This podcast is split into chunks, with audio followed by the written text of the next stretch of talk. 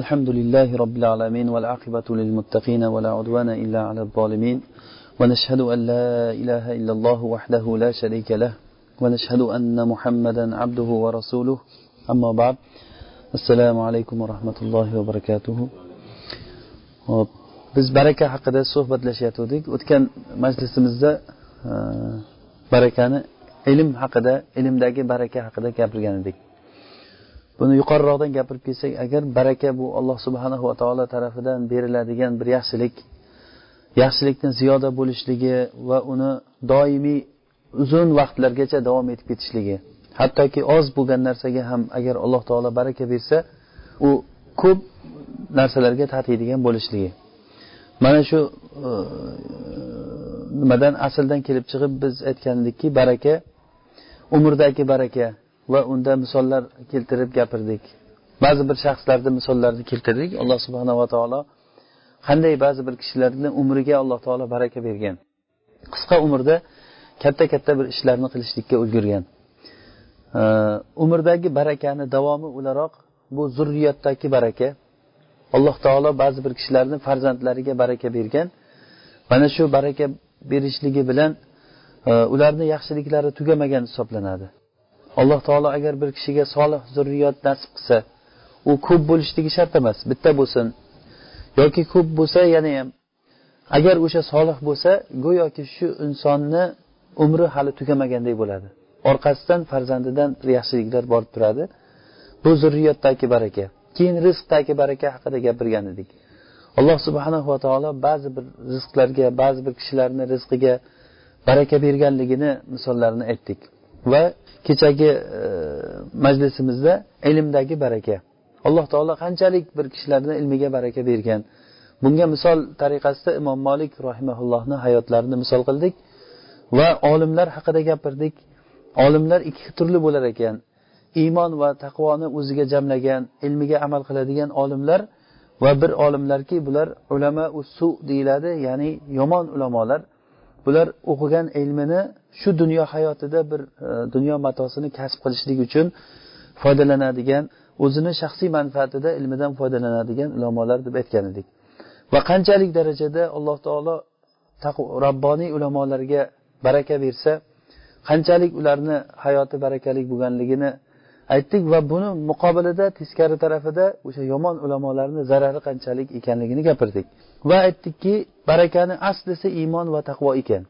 Buni aslisi bizga o'zi har e, biz majlisimizda takror takror aytadigan narsamiz. Bu bizga albatta ustozlarimizdan meros qolgan narsa. Qanchalik ko'p takror bo'lsa shunchalik qalbga ko'proq o'tirib qoladi.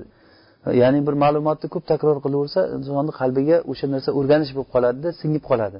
alloh subhanava taolo aytgan oyatki ولو أن أهل القرى آمنوا واتقوا لفتحنا عليهم بركات من السماء والأرض agar bir qishloq ahli iymon keltirib taqvo qilganlarida edi alloh taolo ularga osmonlar va yerdan barakalarni ochib qo'yar edi bitta baraka demayapti alloh taolo barakalarni ochib qo'yardi demak baraka uni suratlari juda yam keng ko'lamda bo'lar ekan mana hozir o'zimiz buni e, shohidi bo'lyapmiz Umrdagi baraka uni zurriyotlaringizdagi baraka rizqingizdagi baraka ilmdagi baraka va bugungi suhbatimizni e, nimasi e, amaldagi baraka haqida gaplashamiz inshaalloh. Bu amaldagi baraka kechagi suhbatimizni davomi desa ham bo'ladi. Albatta bu amaldagi baraka ilmdagi barakani ustiga quriladi ya'ni amal ilmni ustiga quriladi. E, ilm bo'lmasa insonda to'g'ri amal qilolmaydi odam. Ya'ni amaldagi baraka degani shunday narsaki ozgina amal bilan kishi ko'p natijalik narsalarga erishib ketishligi. Va bu amal o'sha amali agar uzluksiz agar umri uzoq bo'lib kishini solih amalda to'xtamasdan davom etib tursa bu nihoyatda alloh subhanahu va taoloni bergan barakasi bo'ladi. Yoki bo'lmasa qisqagina bir amal bilan kichik bir amal bilan bizni nazarimizda kichik bo'lib ko'ringan amal bilan katta bir natijalarga erishishlik mumkin ekanligi degan tushuncha bu. Rasululloh sollallohu alayhi vasallam juvayriya roziyallohu anhoga aytganlarki juvayriya rasulullohni e, azvojlaridan ya'ni ummahatul mo'minindan juvayriya onamiz bir kuni bomdod namozidan keyin o'tirib toki quyosh chiqib choshgoh bo'lguncha ollohni zikr qilib o'tirdilar. Rasululloh u kishini oldidan chiqib ketishligida zikr qilib o'tirganda rasululloh chiqib ketdilar o'sha chiqib ketishligida juvayra onamiz zikr qilib o'tirganda qaytib kelsalar o'sha turishda zikr qilib o'tirdilar rasululloh sollallohu alayhi vasallam aytdilarki men e, bir kalimalarni aytdim sen shu men chiqib ketgandan beri hozirgacha zikr qilib o'tiribsanmi? deganda ha shu yerda qimillamasdan ollohni zikr qilib o'tiribman. deganlarida rasululloh sollallohu alayhi vasallam aytgan ekanlarki men to'rtta kalimani aytdim uch marta aytdim. O'sha narsalar taroziga solinganda seni shu shuncha vaqt qilgan zikringdan ko'ra ustun turadi deganlar. Ular shuki subhanallohi va bihamdihi adada xalqihi va rido nafsihi va zinata arshihi va midada kalimatihi.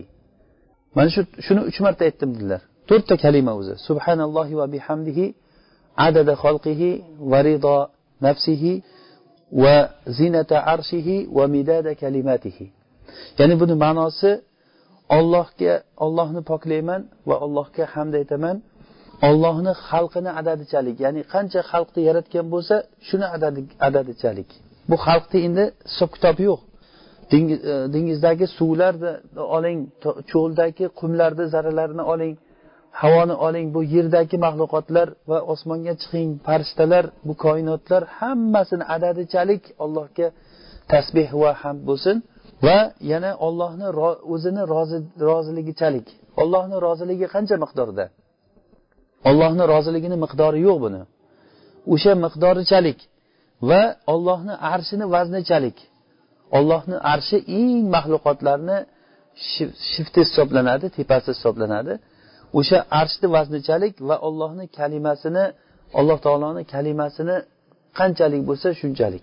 Ollohni kalimasi tugamaydi. alloh taoloni kalimasini haqida mana e, alloh taolo aytadiki والبحر يمده من بعده سبعة أبحر ما نفدت كلمة الله agar yerdagi hamma daraxtlardan qalamlar yasalsa dengizlar siyohga aylansa shu qalamlar shu siyoh bilan yozsa uni ortidan yana yettita dengiz yana shuncha dengizlar keltirilib madad qilib olib kelinsa ham siyoh qilib ollohni kalimasi tugamaydi siyohlar tugab ketaveradi. Demak ollohni kalimasi bu ollohni sifati bu. Ollohni sifati hech qachon tugamaydi.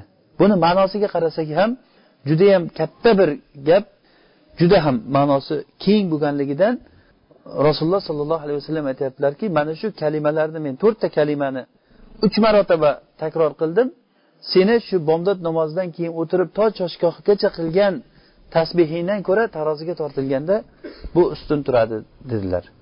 Demak mana bu narsa ilmdan kelib chiqqan narsa. Ilm bilan qilingan amal shunchaki bir ashvoiy qilingan amaldan ko'ra uni ikkosini taroziga tortib bo'lmaydi bu narsalarni ilm bo'lgan narsa bilan amal ilm bilan bo'lgan amalni shunchaki ilmsiz qilingan amal bilan ikkosini taroziga tortib bo'lmaydi bu narsani solishtirib bo'lmaydi buni. Hatto kechagi nimada darsimizda aytgan edikki e, rasululloh sollallohu alayhi vasallam ulamolarni oddiy odamlardan fazlini xuddiki e, to'lin oy kechasidagi oyni boshqa yulduzlardan bo'lgan e, farqiga o'xshatgandik. Va bayzoviy rahimaulloh buni farqni ikki tomondan bu o'xshashlikni ikki tomondan keltirgan edi ya'ni ulamolar qaysi tarafdan oyga o'xshatilindi? Chunki odamlar oyni yorug'idan foydalanadi yulduzlarni yorug'idan foydalanmaydi. Xuddi shuningdek ulamolar ham odamlarga manfaat beradi. Ularga nima qilish kerak nima qilmaslik kerak ekanligini ko'rsatadi bular. Yulduzlar unaqangi foydani berolmaydi. Va ikkinchi tomondan oy o'zini berayotgan nurini quyoshni nuridan madad olib tarqatadi. Xuddi shunday ulamolar ham o'zidan berayotgan narsani rasulullohdan olib beradi. Go'yoki rasululloh sollallohu alayhi vasallamni nuri kelib ulamolarga tushib keyin ulamolar orqali odamlarga o'tayotganga o'xshaydi. Mana shu vazihdan ulamolar oyga o'xshaydi deb kechagi majlisimizda aytgandik. Bayzoviy rahimaulloh shu hadisni e, sharhida shu gaplarni aytgan ekanlar. Demak bu ilm birinchi o'rinda turganligi uchun kechagi ilmdagi barakaga bu bugungi majlisimiz shuni davomi shuni ustiga qurilayotgan narsa deb tushunsak ham bo'ladi. Buxoriy rahimaulloh sahihda chiqarganlar babul ilmi qoblal qavli val amal. Babul ilmi qoblal qavli val amal. Ya'ni amal qilishlikdan yoki so'zlashlikdan oldin bilishlik degan bob chiqarganlar. Kishi bir narsani amal qilmoqchi bo'lsa yoki so'zlamoqchi bo'lsa albatta shu narsani avval tushunib avval bilib keyin uni gapirishlik kerak bo'ladi. Ilmsiz bilmasdan qilingan narsa u barakasi bo'lmaydi. Ko'pincha o'sha qiluvchini o'ziga zarari ham tegib qolishligi mumkin. O'sha uchun ham bizni juda ham eng katta tezlangan narsamiz ilm haqi ilmga ko'p tezlanilgan kechagi majlisimiz juda ham e, muhim edi lekin bu narsa e, olloh nasib qilmadi. Bu yozuvimiz bir e, xato bo'lib turib nima bo'lib ketibdi? Inshaalloh o'sha uchun men kechagi darsga ko'proq urg'u berib takror berib nima qilyapman? Abu dardo roziyallohu anhuni oldiga madinadan bir kishi kelib turib sendan bir hadis eshitgani keldim deb shomga kelganda madinadan shomgacha kelgan. Shunda shu hadis uchun shu yerga keldingmi? Deganda shu uchun keldim boshqa bir ishing yo'qmi? Tijorat yo boshqa uchun kelmadingmi? Deganda yo'q boshqa ishim yo'q. Faqat shu hadisni eshitgan keldim. Boshqa meni dardim yo'q deganda aytgan ekanki bo'lmasa sen eshitib qo'ygin men rasululloh sollallohu alayhi vasallamdan bir hadis eshitgandim. Kimki ilm talab qilib bir yo'lga chiqib kelsa alloh taolo uni jannatga bo'lgan yo'lini osonlashtirib qo'yadi degan ekanlar. Tolibi ilmga farishtalar qanotlarini yozib turadi uni qilayotgan ishidan rozi bo'lganligi uchun. Va hattoki dengizdagi baliqlar ham tolib ilmga istig'for aytib turadi. Baliqni tili bo'lmaydi tili bo'lmagan hayvonlar ham istig'for so'rab turadiki uni qilayotgan ishidan rozi bo'lganligi uchun. Nimaga bunchalik katta bu unday e, tolib ilmlarga bunchalik kattalik e, fazil katta bir darajatlar berilganligini sababi chunki bizni hayotimizni turishligi amallarimiz hammasi ilmni ustiga quriladi. Agar ilmsiz bo'layotgan bo'lsa odamlar halok bo'ladi. Rasululloh sollallohu alayhi vasallam aytdilarki ilm o'rganib qo'yinglar ilm sizlarni ichingizdan ko'tarilib ketishligidan oldin. Alloh taolo ilmni odamlardan shunday sug'urib olib qo'ymaydi. Lekin ilmni ketishligi ulamolarni o'lishligi bilan bo'ladi. Hattoki ulamolar o'lsa odamlar ichida ilm qolmaydi. So'raydigan odam qolmaydi. O'shanday bo'lgandan keyin odamlar johil odamlarni o'zlariga imom qilib ushlab o'shalardan borib so'rab ular ilmsiz ravishda bir narsalarni fatvo beradi. O'zlari ham halok bo'ladi va o'zgalarni ham halok qiladi deyilgan. Demak mana bu narsa biz uchun katta bir e, shoshilinch bir e, vazifa bo'ladiki iloji boricha umrimiz yetganicha vaqtimiz boricha kuch quvvatimiz boricha bitta bo'lsa ham ozroq e, narsani o'rganib qolsak kechagidan ko'ra bugungi kunimiz ilmliroq bo'lsak va niyatimiz xolis bo'lsa inshaalloh mana shu holatda agar o'lsangiz ham shu holatda shu yo'lda ketdi degan gaplari. Va majlisimizni oxirida aytgan narsamiz ali roziyallohu anhu kumayl ibn ziyad e, rohimaullohni qo'llaridan ushlab e, bir safarda ketishligida ey kumayl men senga bir nasihat qilaman. Sen uni yaxshilab eslab qolgin. Chunki qalblarni eng yaxshisi eshitgan narsasini eslab qoladigan qalb. Odamlar uch turli bo'ladi. Birinchisi bilmaganini ta'lim oladigan mutaallim kishi. Ikkinchisi olimun robbaniy ya'ni odamlarga yoki tartibini aytsak birinchisi birinchisi robboniy olimlar. Ya'ni bilganiga amal qiladigan va odamlarga haqni ochiq ro'y rost o'rgatadigan olimlar ikkinchisi bilmaganini o'rganadigan tolib ilmlar uchinchisi hamajur rua degan atbau kulli naiq. Ya'ni qalang qasangi odamlar har bir ovoz chiqsa o'sha ovozga ergashib ketaveradigan avom johil odamlar degan. Sen o'sha uchinchisi bo'lma degan. Demak odamlar mana shu uchta toifadan oshmaydi.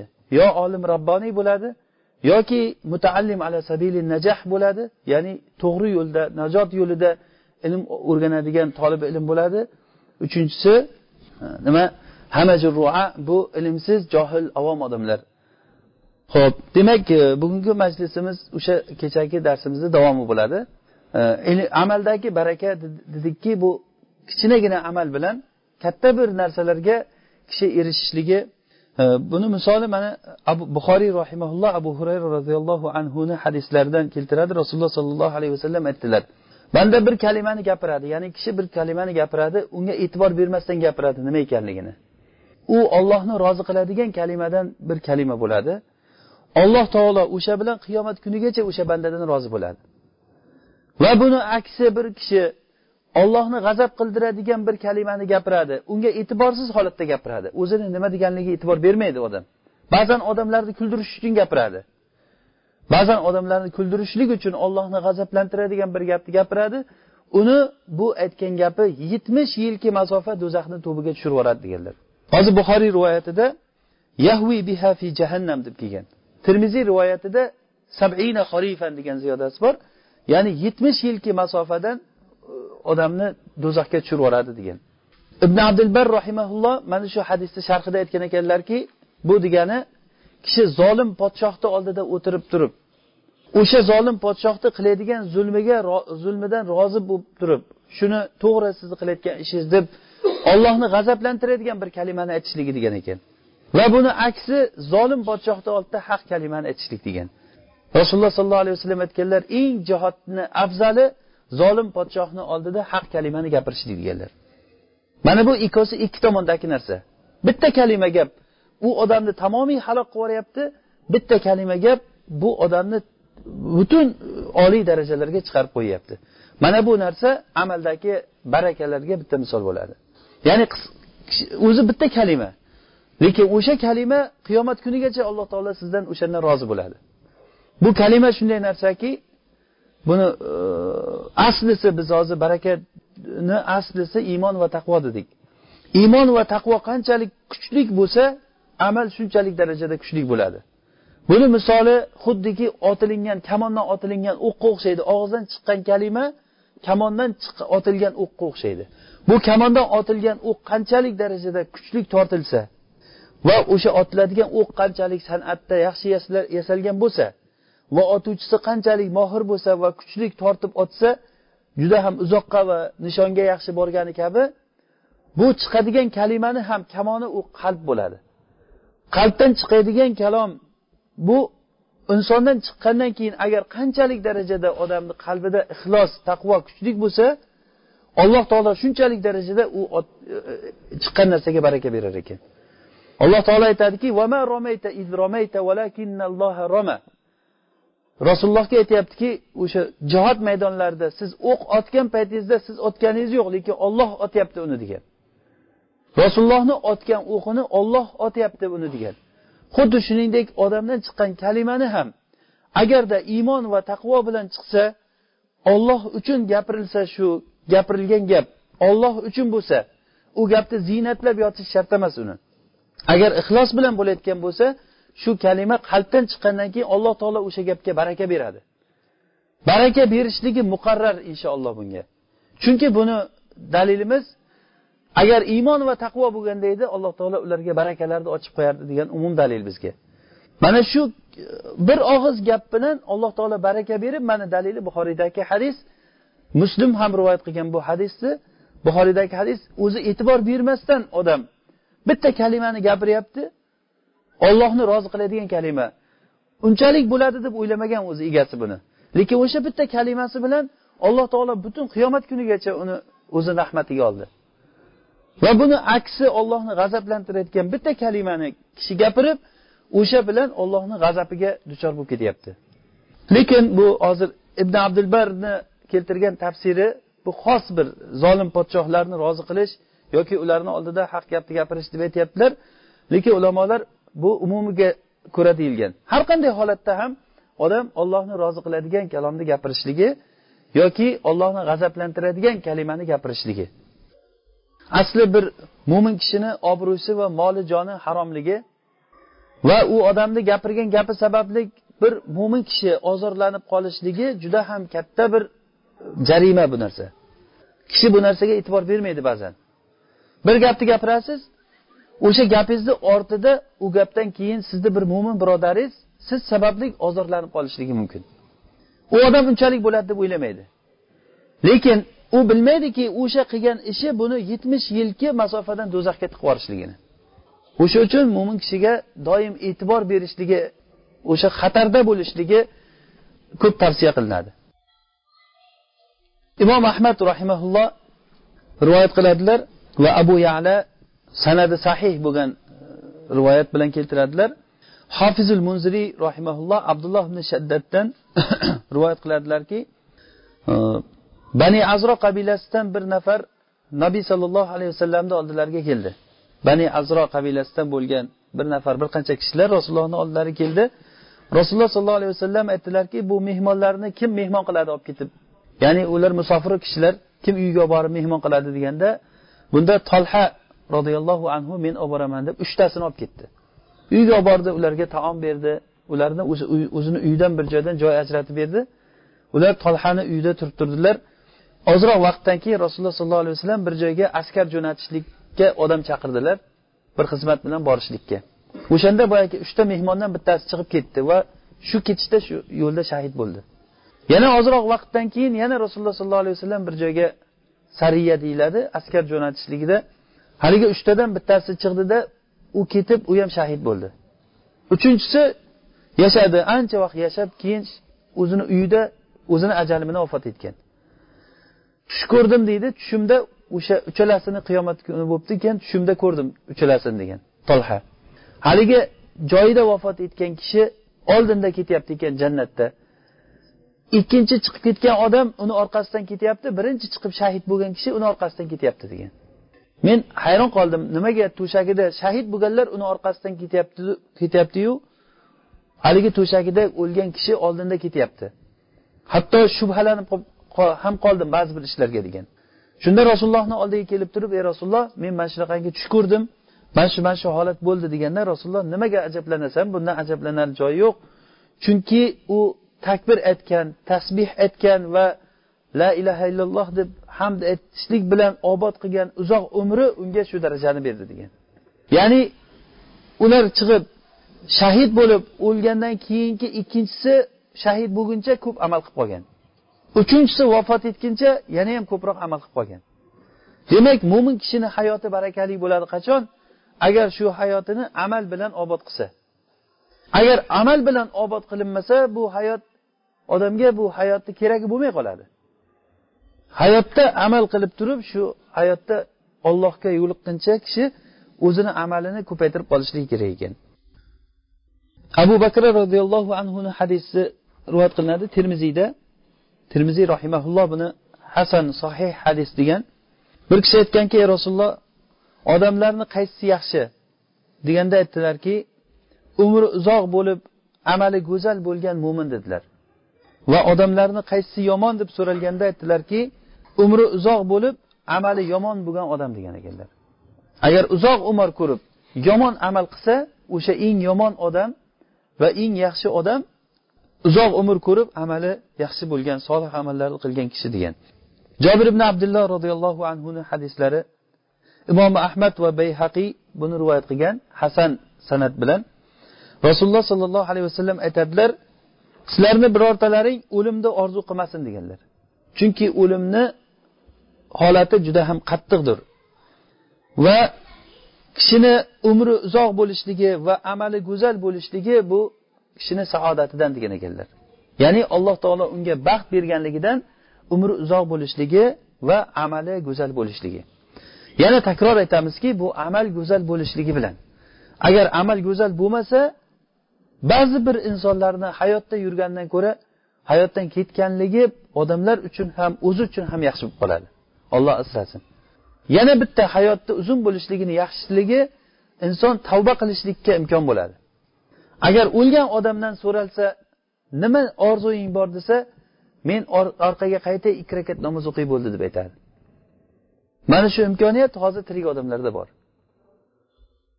Mana shu laalli amalu solihan fima taraktu deb aytadi odamlar. Ey robbim meni qaytaringlar ehtimol men bir solih amal qilib qolayin tark qilib ketgan narsamda deydi. Lekin bu narsa bu kalima u qoili shunday mujarrad aytilgan kalima. Bu narsa orqaga qaytish yo'q alloh taoloni sunnati shunday. Hozir mana shu imkoniyat tirik odamlarda bo'ladi. O'lgan odamdan mana shu imkoniyat ketadi. Hofizul imom abu masudul bajalir ar roziy rahimaulloh bir kuni bir safarda ketish paytlarida dehiston degan qishloqdan o'tgan ekanlar. O'sha yerga borib e, molni kallasini sot pishirib sotadigan kishini oldiga borgan ekanlar. Molni kallasini pishirib sotadigan kishini oldiga borib turib shunda menga molni kallasidan ber deganda haligi kishi qarab turib siz ahli ilmga o'xshayapsiz shaklingiz. Bu yerda ko'chada odamlar yeydigan ovqat e, joyda yeyishligingiz yaxshi emas deb hurmatlab bir masjidni bir chetida joy bor ekan o'sha yerga borib turing hozir men sizga ovqat olib boraman deb orqasidan keyin o'g'lidan ovqat jo'natib yuborgan ekan. Ya'ni kallam pishirilgan kallani va qavatiga zayt va ozroq ko'katlardan qo'shib e, issiq non bilan o'g'li umar degan o'g'li bor ekan shu o'g'lidan berib yuborgan. U kishi masjidda o'tirgan joyda keyin o'g'li ovqatni olib borgan ekan. Borgandan keyin keyin o'g'liga biron narsa ilm o'rganganmisan desa haligi bola yoshligidan ishlab yurgan bola xuddiki o'sha kalla pishirib sotishga uchun yaratilganga o'xshab hech narsani bilmas ekan u bola. Yo'q hech narsani bilmayman degan. Keyin ovqatni yeb bo'lgandan keyin keyin haligi kalla sotuvchini oldiga kelib turib aytgan ekanki sen menga ko'p yaxshilik qilding. Menniki senga qaytarishga bir yaxshiligim yo'q. Lekin xohlasang mana shu bolangni o'qitaman men. Rasulullohni hadislarini o'rgataman degan ekan. Juda xursand bo'lib ketgan ekan haligi kishi. Bo'ldi men roziman deganda haligi bolani o'zi bilan olib ketgan ekan.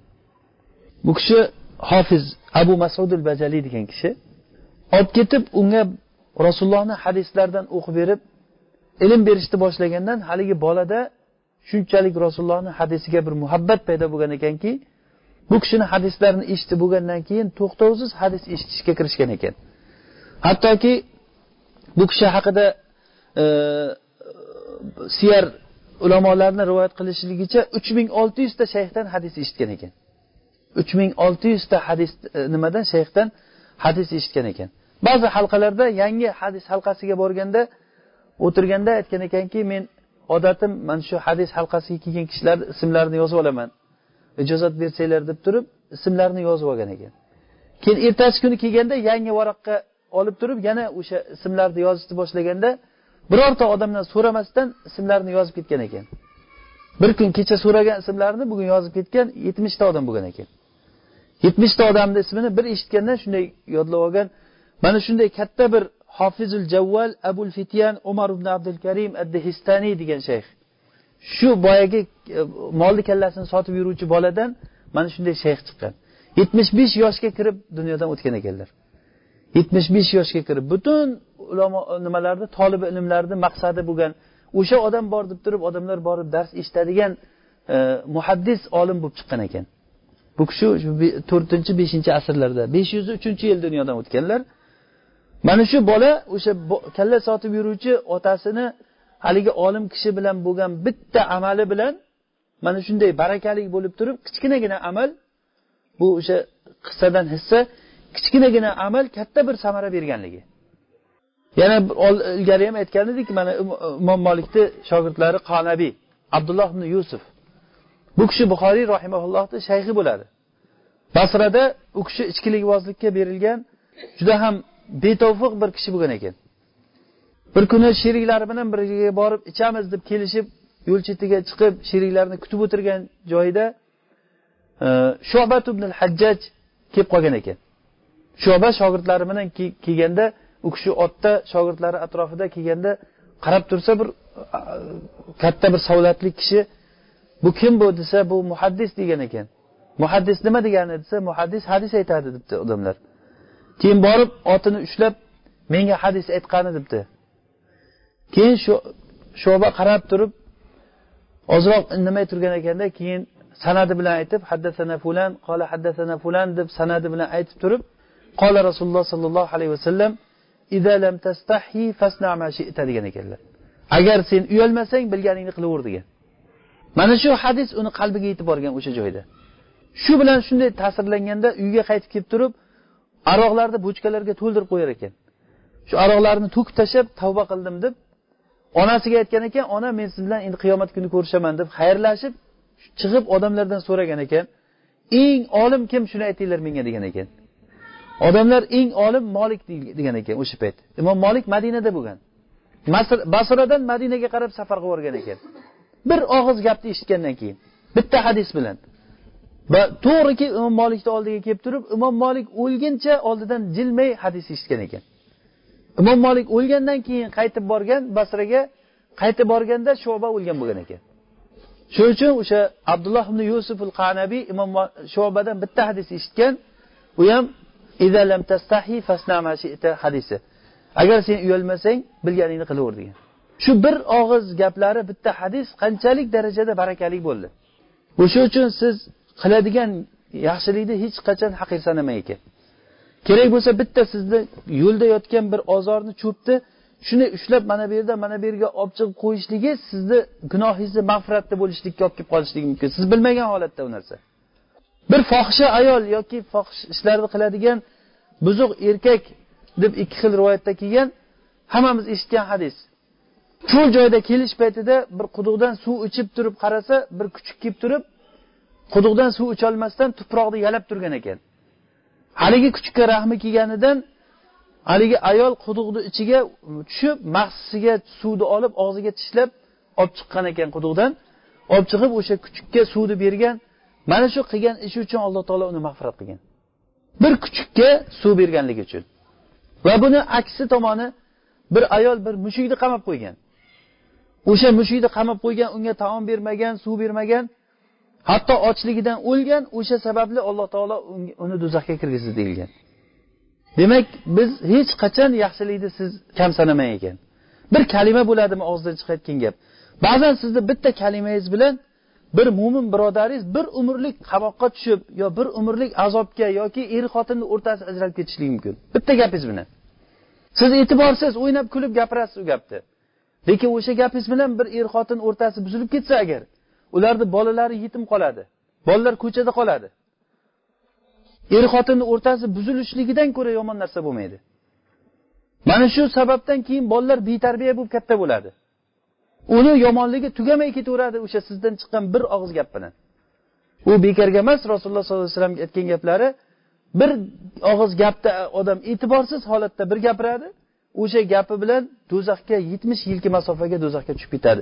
Yoki ba'zi rivoyatda mashriq bilan mag'ribni o'rtasidalik masofada do'zaxga kirib ketadi deyilgan. Demak odamlarni amali bir xil bo'lmas ekan. Bitta kichkinagina amal shaklida kichik bo'lib ko'ringan bilan lekin u ma'noda juda ham katta amal bo'lib bo'lishligi mumkin. Bu narsa sizni ixlosingiz va niyatingizga qarab bo'ladi. O'sha boyagi kuchukka suv bergan ayol ana shu ishni qilayotgan paytda birorta odam uni maqtamasligini bilardi uni. Chunki u cho'l joy odamlar yo'q joy edi faqatgina olloh uchun qilgandi shu ishini. Endi hozir bir kishi aytolmaydiki men ham bir kuchukka suv bersam mana shu natijaga erishaman deb hech kim aytolmaydi bu narsani. Bu olloh beradigan narsa bu narsa. Bu narsani sababi sizni qalbingizdagi iymon va taqvoga qarab bo'ladi. E'tiborsiz holatda bitta gapni gapirasiz mana shu gap sizni oqibatingizni hal qilib qo'yishligi mumkin. Yo u tomonga yo bu tomonga. Imom ahmad rahimaulloh ba'zi bir safarlarida yurgan paytlarida bir e, qishloqdan o'tib bir masjidda dam olib qolib qolar ekanlar. Masjidda bir kun yotgandan keyin ertasi kuni masjidni xodimi bo'ldi chiq ket bu yerdan degan ekan. Bu yerda yotish mumkin emas masjidda degan. Boradigan joyim yo'q desa men bilmayman chiq deb chiqarib yuborgan ekan masjiddan masjiddan chiqib masjidda hovlisida tashqarida eshigini tagida o'tirgan borishga joy topmay o'sha yerda o'tirsa imom ahmadni bilasizlar katta imom kishi. Keyin chiqib haligi xodim nima qilib o'tiribsan bu yerda? Men senga ketdivdimku deb sudrab oxiri sudrab ketgan ekan u kishini. Nariroqda bir navoiyxona bor ekan navoiyxonani oldigacha sudrab olib borgan ekan. Itarib olib turib o'sha navoiyxonani oldiga borib qaytib kelgan ekan xodim. Kelma ikkinchi berga deb. Yana masjidga kiradi deb o'ylaganda uni. Keyin qarasa navoiyxona navoiy odam non yopib turganligini ko'rib ozroq suhbatlashib e'tibor berib tursa haligi navoiyni og'zidan umuman zikr tushmas ekan. Faqat ollohni zikr qilar ekan. Imom ahmad ko'rib turib hayron qolgan ekan bu odamni. Sen doim zikr qilayotgan odam bo'lib ko'rinding menga. Shu zikr qilishligingni oqibatini ko'rdingmi bir asarini? Zikrni asarini ko'rdingmi deganda aytgan ekanlarki men ko'rdim degan. Birorta duo qilmasam illo olloh ijobat qilgan bu duomni degan ekan. Hayotimda nima duo qilsam men ijobat bo'ladi degan ekan. Faqat bitta duom ijobat bo'lmadi degan ekan. Nima edi desa men shu doim duo qilaman ey olloh menga imom ahmadni ko'rsatgin deb. Imom ahmadni ko'rsat deb duo qilaman lekin ishonchim bor olloh ijobat qiladi unga ham degan ekan. Imom ahmad aytgan ekanki alloh taolo duoingni ijobat qilibdi ahmad ibn hambalni sudrab olib tashladi oldinga degan ekan. hattoki alloh taolo duoni ijobat qilsa mana shunday katta olim kishi bo'lishligidan qat'iy nazar sudralib o'shani oldiga olib tashlab ketadi. O'zi o'zi ham orqasidan borib ham ziyorat qilmaganda ish qilib o'tirgan joyida sudrab olib tashlab ketgan. Mana ahmad senga deb mana bu narsa zikrni fazli ya'ni kishi qiladigan amalini fazli bu narsa. O'sha uchun bizga aytiladigan narsa nasihatimiz shuki yaxshilikni hech qachon siz haqir sanamang ba'zi bir odamlar millionlab pul sarflaydi bir yaxshilikka. Lekin siz cho'ntagingizda bir so'm pulingiz bo'lib turib o'sha pulni sarflasangiz agar kerak bo'lsa o'sha milliondan ko'ra shu bir sumingiz barakalik va ollohni huzurida maqbul bo'lishligi mumkin. Ey odamlar shuncha katta qilganda meniki nima edi endi? deb yaxshilikdan to'xtab qolmang. Qanaqa bir kalima birovga yaxshilik gapirish bir qiynalgan odamni bir yukini ko'tarib bir joyga olib borib berishlik yoki bir boshqa bir hattoki mo'min birodaringizga yuziga kulib qarab gapirishligingiz ham sadaqa. Ehtimol mana shu ishingiz sababli sizni oqibatingiz hal bo'lib qolishligi ham mumkin. Mana bu narsa amaldagi baraka bo'ladi. Shu bilan bu e, baraka to'g'risidagi misollarimizni tugatsak ham bo'ladi. Bu vaqtda juda uzoq nafas oldik biz. Umrdagi baraka haqida zurriyotdagi baraka rizqimizdagi baraka ilmimizdagi baraka amalimizdagi baraka va buni misollari oxiri tushungan narsamiz shu bo'ldiki baraka degan narsa bu shar'iy bir narsa ekan. Alloh subhanahu va taolo buni yaxshilikni ko'paytirar ekan. Hattoki bir yaxshilik rasululloh sollallohu alayhi vasallam buxoriy rivoyatidagi hadisda aytadilar sadaqa ollohni qo'liga tushishligidan oldin faqirni qo'liga tushishligidan oldin alloh taoloni qo'liga tushadi. Alloh taolo uni o'stirib ko'paytiradi. Hatto sizlarni bittalaring toychog'ini o'stirib ko'paytirib kattartirganiga o'xshab degan. Toychoqqa suv berasiz o't berasiz unga qaraysiz katta ot bo'lib yetishguncha qancha qaraysiz? Ana shu berilingan sadaqani alloh taolo o'zi ko'paytirib ko'paytirib erta siz ollohga yo'liqqaningizcha kichkinagina bergan narsangiz ollohni huzurida katta bir tog'day narsa bo'lib ketishligi mumkin. O'sha uchun ham rasululloh sollallohu alayhi vasallam aytganlar meni ashoblarimni so'kmanglar dedilar. Sizlarni bittalaring agar uhud tog'ichalik tilloni sadaqa qilsa ham meni ashoblarimni bir hovuch bergan yoki yarim hovuchiga ham to'g'ri kelmaydi deganlar. Uhud tog'ichalik tilloni kim bera oladi hatto agar o'shani bersangiz ham ashoblarni bir hovuchiga to'g'ri kelmaydi. Nima bilan bu o'lchov? Iymon va taqvo bilan. Ashoblarni qalbidagi iymon va sidiq va taqvo ixlos olloh uchun qilgan ular ishlarni. Rasululloh sollallohu alayhi vasallamni yonlarida turib ular molini jonini rasulullohni oldida turib sarflagan birorta ishini riyo bilan qilmagan ular. Ummat o'laroq shu ishni qilgan ular. Ular shunday bir qavm ediki xuddiki ibn e, masud roziyallohu anhu aytganlaridek ular shunday qavm ediki alloh taolo ularni tanlab oldi qalblari pok odamlar edi. Gaplari qisqa edi va xolis gapiradigan odamlar edi. Gapirgan gapiga amal qiladigan odamlar edi. Mana shu bilan alloh taolo ularga baraka berdi amaliga baraka berdi umriga baraka berdi. Jihod maydonlarida yurgan holatlarida bu yoqdagi farzandlari betarbiya qolib ketmadi. Ularni alloh taolo o'zi tarbiyasiga oldi. Bergan olloh yo'lida qilgan nafaqalari o'sib o'sib hozirgi mana shu bizni musulmon bo'lib turishligimizgacha sabab bo'ldi. Ular hayotini mana shu narsaga sarfladi va alloh taolo ularni o'zini roziligi bilan mukofotladi. Daraxtni tagida ya'ni hudaybiya sulhidagi daraxtni tagida rasulullohga bayat qilgan mo'minlardan alloh taolo rozi bo'ldi dedi. Tirikligi vaqtida olloh rozi bo'ldi degan e, xitobni eshitishlikka ular muyassar bo'lishdi. Nima bilan bo'ldi bu? Iymon va taqvo bilan bo'ldi. Agar inshaalloh bizda ham mana shu harakat bo'lsa bu ko'p qiyin ish emas lekin faqatgina ozroq sidq va ixlosga muhtoj bo'layotgan narsa. Odam bu narsaga chiniqishlik bilan bo'ladi. Chiniqishlik bilan hech kim ko'rmaganda hech kim bilmaganda odamlar maqtamaydigan bir amallarni qilishlikka o'rganish kerak. Siz ishoningki o'sha amal bilan bitta amalingiz bilan alloh taolo sizni qabul qilishligi mumkin. Buni misollari juda yam ko'p buni. Demak o'sha hozirgacha o'tgan narsamiz e, shu narsalar keyingi e, mavzumiz shu baraka sabablari. Ba'zi bir narsalarni ba'zi bir narsalarni shariatda bu baraka shar'iy narsa bo'lganligidan shariat shu narsaga sabab qilib qo'ydiki shuni qilsang shu baraka hosil bo'ladi deb. Bu nima uchun deb so'ralinmaydi. Nima uchun? Nima uchun olovni kuydiradigan qilib yaratdi alloh taolo? Suv olovni o'chiradigan qilib yaratdi deb so'ralinmaydi. Olloh shunday xohladi. Nima uchun tuproqdan ko'karadi toshdan ko'karmaydi masalan o'simliklar? Bu olloh shunday qilib qo'ydi uni. Tuproqdan ko'karadigan qilib qo'ydi. Olovni kuydiradigan qilib qo'ydi. Bir shisha idishni tepadan tashlab yuborsangiz sinadigan qilib qo'ydi yerga tushsa sinib ketadi. Xuddi shunday barakani ham sabablari bor. Agar shu sabablarni albatta ushlagan ushlashligimiz bu iymon va taqvodan keyingi bo'layotgan narsa.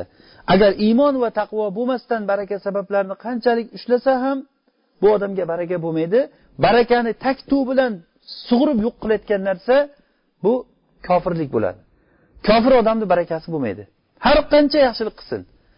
Har qancha yaxshi ishlarni qilsin birinchidan qilolmaydi u. Agar qilgan taqdirda ham uni barakasi bo'lmaydi. Nimagaki u barakani birinchi o'rindagi shartini qilgan emas u odam. Iymon va taqvo. Mana shu iymon va taqvoni qilgandan keyin baraka sabablarini qilsak inshaalloh alloh taolo sizga baraka beradi. Atrofingizdagi odamlar baraka bo'lmagan holatda ham sizda baraka bo'ladi. Bu balki molingiz ko'p bo'lib ketmas lekin o'sha ozgina molingizga alloh taolo baraka beradi. Farzandlaringizga alloh taolo baraka beradi. Sizdan keyin ular solih bir farzand bo'lib katta bo'ladi. Ular tarbiyali allohga ibodat qiladigan sizni kerak bo'lsa qiyomat kunida sizni bir shafoat qiladigan farzandlar bo'lishligi mumkin. Mana bu alloh taoloni berishligi bilan bo'ladi. Buni biz sidqi dildan qalbdan bir so'rashligimiz kerak. Mana shu narsaga harakat qilsak inshaalloh alloh taolo beradi. Shularni birinchisi har bir ishda alloh taoloni ismini zikr qilishlik. Ollohni ismini zikr qilishlik baraka keltirayotgan sabablardan bo'ladi. Rasululloh sollallohu alayhi vasallam aytdilar kullu amrin zibalin va xatar lam yubda bismillahi fahuva abtar. Har bir ishki e'tiborli muhim ishlar bo'layotgan bo'lsa agar ollohni ismi bilan boshlanmasa u abtar ya'ni oxiri uzilgan deganlar. Barakasi barakasi yo'q degani. Yoki e, rasululloh aytadilarki yubarak lakum fihi yubarak lakum fihi ya'ni taom yeganda taomga jamlaninglar va ollohni ismini zikr qilinglar alloh taolo sizlarga baraka beradi degan. Baraka sabablarini birinchisi ollohni ismlashlik har bir ishda. Bismillah deyishlik kirishligingizda chiqishligingizda o'tirishingizda turishligingizda har bir ishda bismillah deb boshlasangiz inshaalloh alloh taolo o'sha ishga baraka beradi. Yoki taomda jamlanishlik. Ko'pchilik bo'lib turib taomda jamlanishlik bu narsa alloh taolo baraka berar ekan. Va ovqat yegan paytda tovoqni chekkasidan yeyishlik. Tovoqni o'rtasidan yemanglar dedi rasululloh sollallohu alayhi vasallam. O'rtasiga ollohni barakasi tushib turar ekan. O'sha o'rtadan yesa baraka qochadi. Taomni tovoqni chekkasidan yeyishlik bu baraka sabablaridan bo'ladi. Abu bakr roziyallohu anhuni misolini aytgan edik oldingi majlislarimizda e, u kishi rasulullohni oldiga kelgan mehmonlarni uyiga olib bordi. Uyiga olib borib turib uydagilarga qo'yib bularni mehmon qilinglar deb o'zi rasulullohni oldida xizmatlari bor edi qaytib kelib rasululloh bilan birga xubton o'qib rasululloh bilan suhbatlashib juda kechga qolib ketdi. Uyga borsa mehmonlar hali ovqat yemay o'tirgan ekan. Buxoriy rahimalloh rivoyat qilgan hadisda mehmonlar ovqat yemay o'tirgan nimaga ovqat yedirmadinglar mehmonlarga desa keyin xotini aytadiki ovqat yeyglar dedik bu abu bakrni kutamiz deb turib yemadi o'zlari degan. Keyin achchiqlari chiqib ketib qani u o'g'lini so'rab qolgan. Qani san bu yoqqa kelgin deganda o'g'li abu bakrni g'azabidan qo'rqib qochib ketgan. Bir joyga borib yashinib turibdi ovozini eshitib turgan. Ya g'unsar degan. G'unsar degani e, bo'lmag'ir degani. Bu yoqqa chiq deb so'kkan. Bu yoqqa chiqsa chiqmagan. Keyin vallohi bu yoqqa chiqasan degan. Shunda qasam ichganligini bilib chiqib kelgan o'g'li. Nimaga sen ovqat bermading deganda unamadi biz juda qattiq men shunday bo'lishini bilib otam kelsa meni ham so'kadi xafa bo'ladi desam bular unamay turib oldi degan.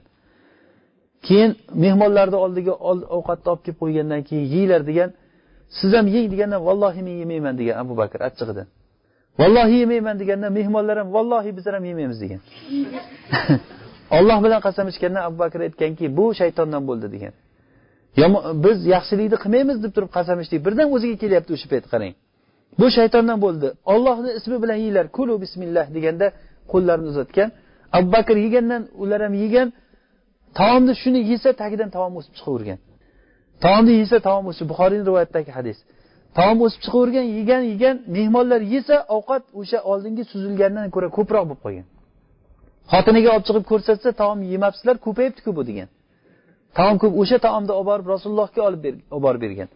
Rasululloh sollallohu alayhi vasallam o'sha paytda bir joyga sariya askar ketyapti ekan shu askarlarga beravergan taomni mana bu narsa bitta taomni barakali bo'lganligini qarangki ollohni ismi bilan yeyilgan taom va undan oldingi o'sha taomdan oldingi qilingan ollohga bo'lgan toat hattoki o'sha qasamlarini buzganligi shu yemayman deb mehmonlar qasam ichdi o'zi ham qasam ichdilar bundan juda ko'p foydalar chiqadi. Mehmonga bo'lgan hurmat mehmonlarni mezbonga bo'lgan iltifoti va o'g'lini qattiq nima qilish mumkinligi va hokazo. Bu hadisdan olinadigan foydalar. Hattoki o'sha e, taomni e, nima qasam ichib qo'ysa agar bir yaxshilikni qilmayman deb qasam ichsa keyin qasamiga kaforat berib o'sha ishni qilishligi.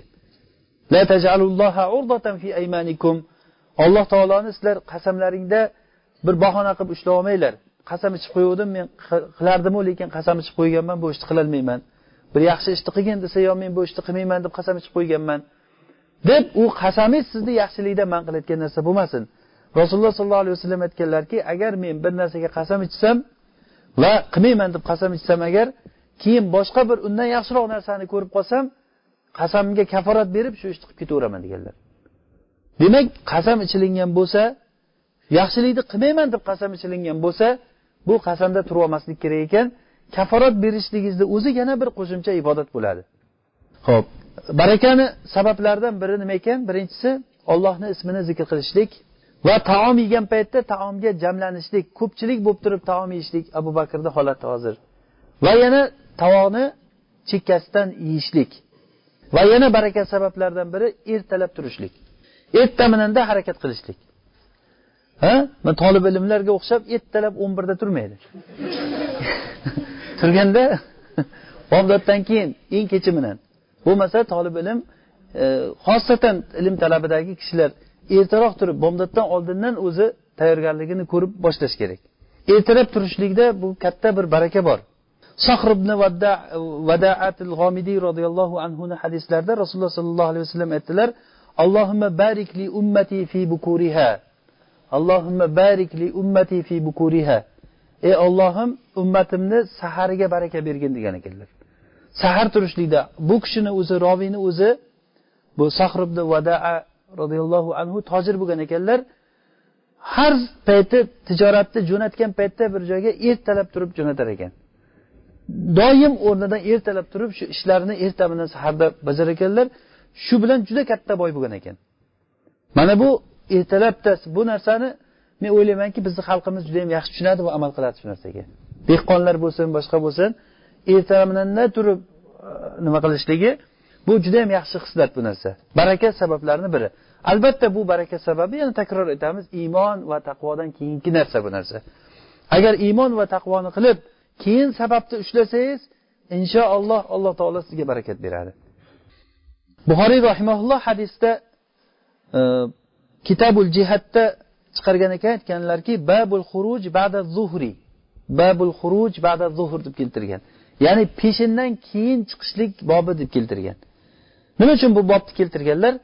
Go'yoki buxoriyda asli o'zi ertalab chiqishligu lekin peshindan chiqsa ham bir hojat uchun peshindan keyinga qolib ketsa chiqsa bo'ladi deb keltirgan.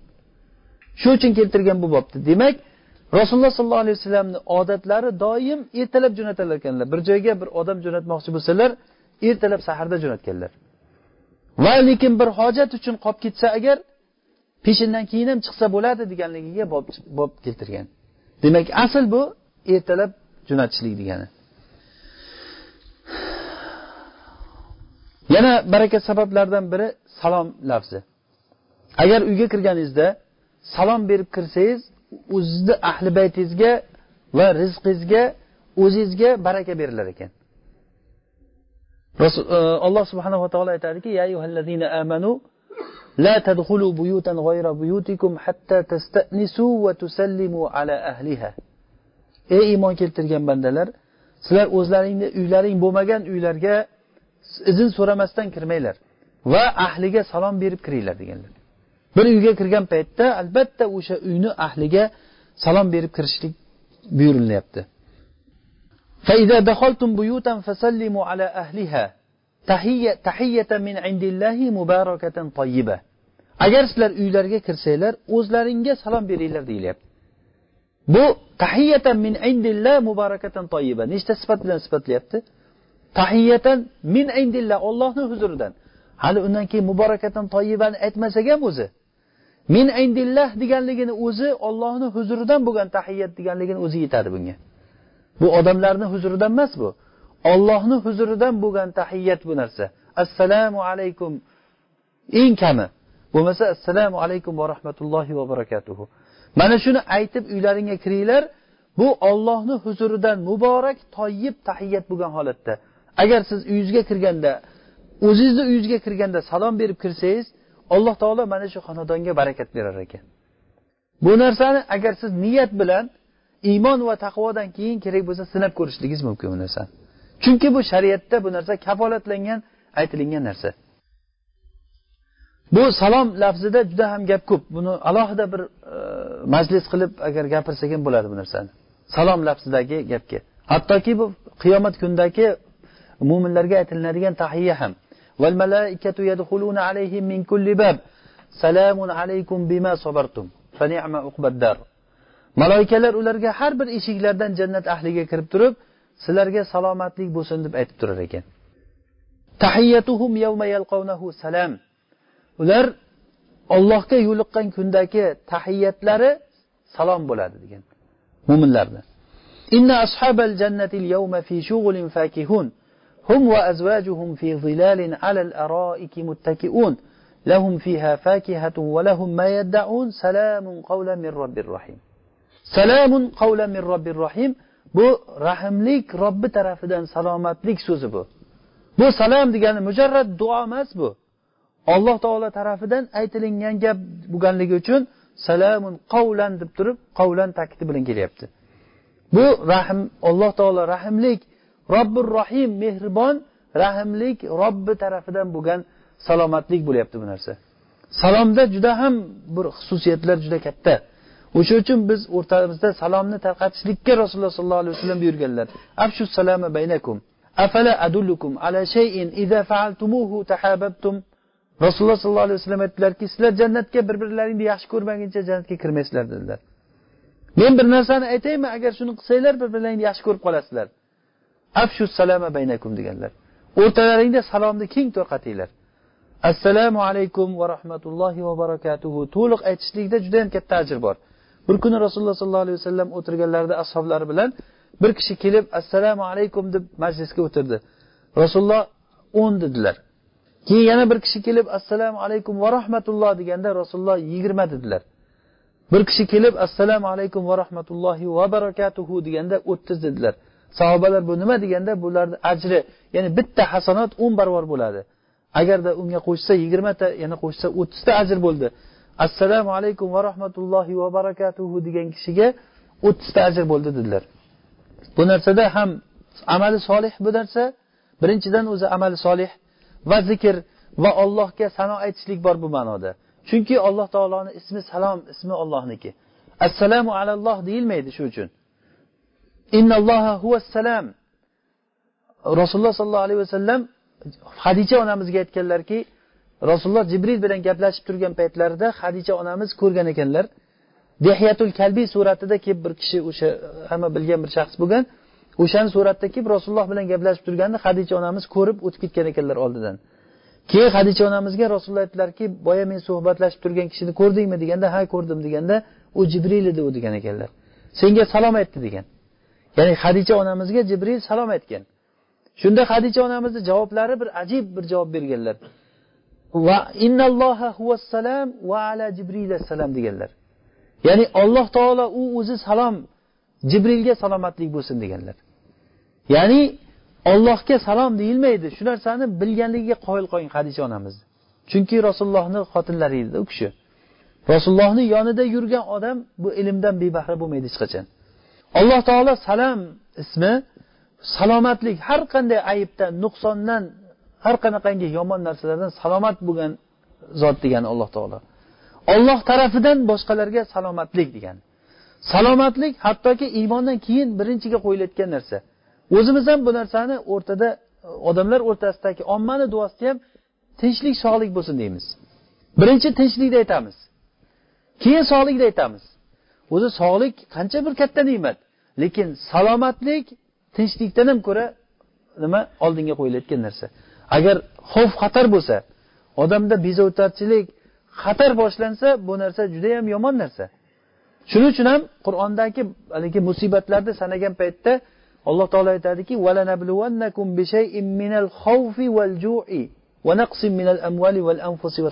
degan. Birinchi o'rinda xavfni zikr qilgan. Undan keyin ocharchilikni zikr qilgan. Keyin moli dunyoni bola chaqani mevalarni kamayib ketishligi degan. Demak mana shu mol mevalar bola chaqalarni kamayib ketishligi va ochlik eng yomon narsa bu. Ochlikni ko'rgan odamlar biladi buni musibatini.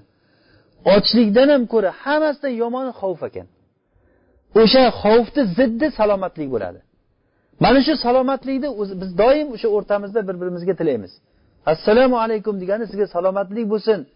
Sizga salomatlik bo'lsin ochlikdan sizga alomatlik bo'lsin xavfdan salomatlik bo'lsin musibatlardan do'zaxdan salomatlik bo'lsin butun barcha narsalardan salomatlik bo'lsin. O'sha uchun ham bu musulmonlar o'rtasidagi tahiyyat salom boshqa e, gaplarda odamlarni gapida bunday ma'nolar o'z ichiga olinmaydi. Hattoki johiliyat paytidagi e, salomlar noqis salomlar bo'lgan. Ya'ni anim sabahan degan xayrli tong degan xayrli tong deganligi faqat shu tongga siz salomatlik tilayapti sizga. Kechqurunchi faqat sizga kech e, tong assalomu alaykum degani sizga salomatlik bo'lsin molingizga ham farzandingizga ham bola chaqangizga ham o'zizga ham degani hamma ma'noni qamrab oladi bu assalomu alaykum. Yoki xayrli kech deb qo'ysa. Bu faqat kechqurun uchun sizda sizga salomatlik emas xayr so'ragan bo'ladi faqat. Bu degani bu tahiyyat judayam noqis tahiyyat hisoblanadi. Haligi e, forslarni tahiyyasi sizga mingta salom bo'lsin degan gap mustahil bo'lgan narsa bu. Alf salam der ekan ularda.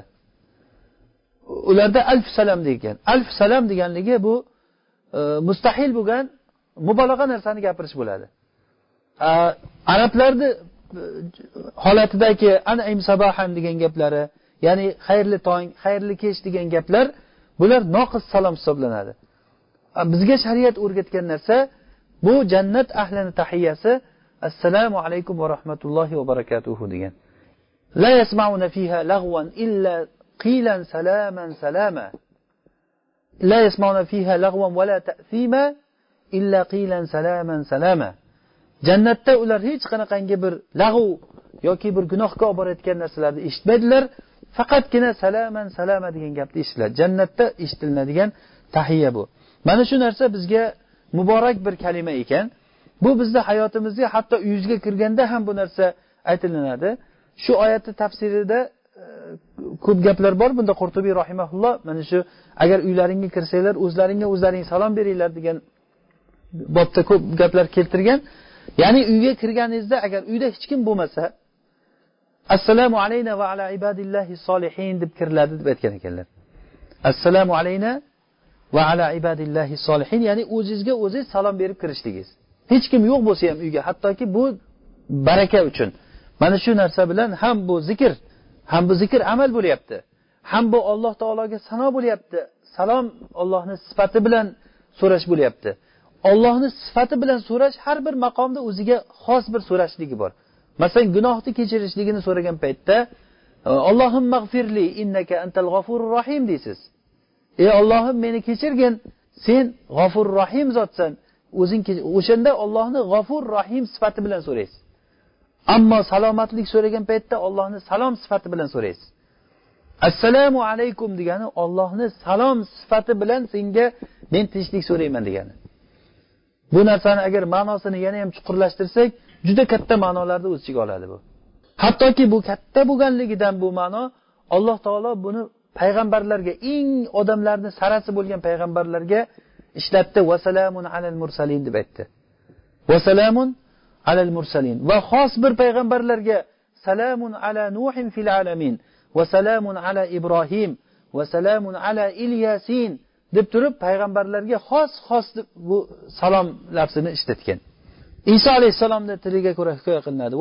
Alayhi yawma va yawma amutu va yawma iso alayhissalom aytyaptilarki menga salomatlik bo'lsin men tug'ilgan kunimda va men o'ladigan kunimda va qiyomatda tiriladigan kunimda menga salomatlik bo'lsin degan. Mana shu uchta holat kishini oqibatini hal qilayotgan holatlar bo'ladi. Birinchisi tug'ilayotgan kunda salomat qolsa unda shaytonni zararidan salomat qolishligi har xil musibatlar kelishligidan salomat qolishligi. Rasululloh sollallohu alayhi vasallam aytganlarki har bir odam tug'ilish paytida shayton uni kelib turib bir qisar ekan. O'shanda baqirib yig'laydi bola degan. Illo ibn maryamni shayton tegisholmagan degan. O'sha shaytonni sharridan balo qazolardan jinlardan yomonliklardan vasvaslardan bu panoh bo'ladi bu narsa. Men tug'ilgan kunimda salomatlik bo'lsin tug'ilgan kunidan salomat bo'lgan kishi hayotini o'lgunicha bu salomat bilan yuradi. Va yavma vulittu va yavma amutu o'ladigan kunda salomatlik bo'lsa qabrni fitnasidan omonda qoladi bu kishi. Va yavma ubasu hayya qiyomatda tirilgan kunda salomatlik bo'lsin. Qiyomat kunida agar salomatlik bilan tirilsa bu odam endi umuman bundan keyin hech baxtsizlik ko'rmaydigan bir baxtga erishadi. Tug'iladigan kuningiz o'ladigan kuningiz va qayta tiriladigan kunda. Alloh taolo mana shu kunda salomatlikni bersin hammamizga. Bu juda ham muhim kalima. Hattoki e, e, yahyo alayhissalom haqida aytilinadi.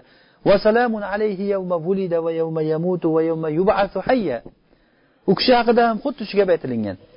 Tug'ilgan kunida o'ladigan kunida va qayta tiriladigan kunida u kishiga salomatlik bo'lsin deyilgan. Salmon al forsiy roziyallohu anhu rivoyat qilib aytadilar kimki agarda uyida shaytonga yotadigan joy va uxlaydigan kechqurun uxlaydigan joy va taom qoldirmaslikni xohlasa uyiga salom bilan kirib kelsin degan ekanlar. Rasululloh sollallohu alayhi vasallam hadislari.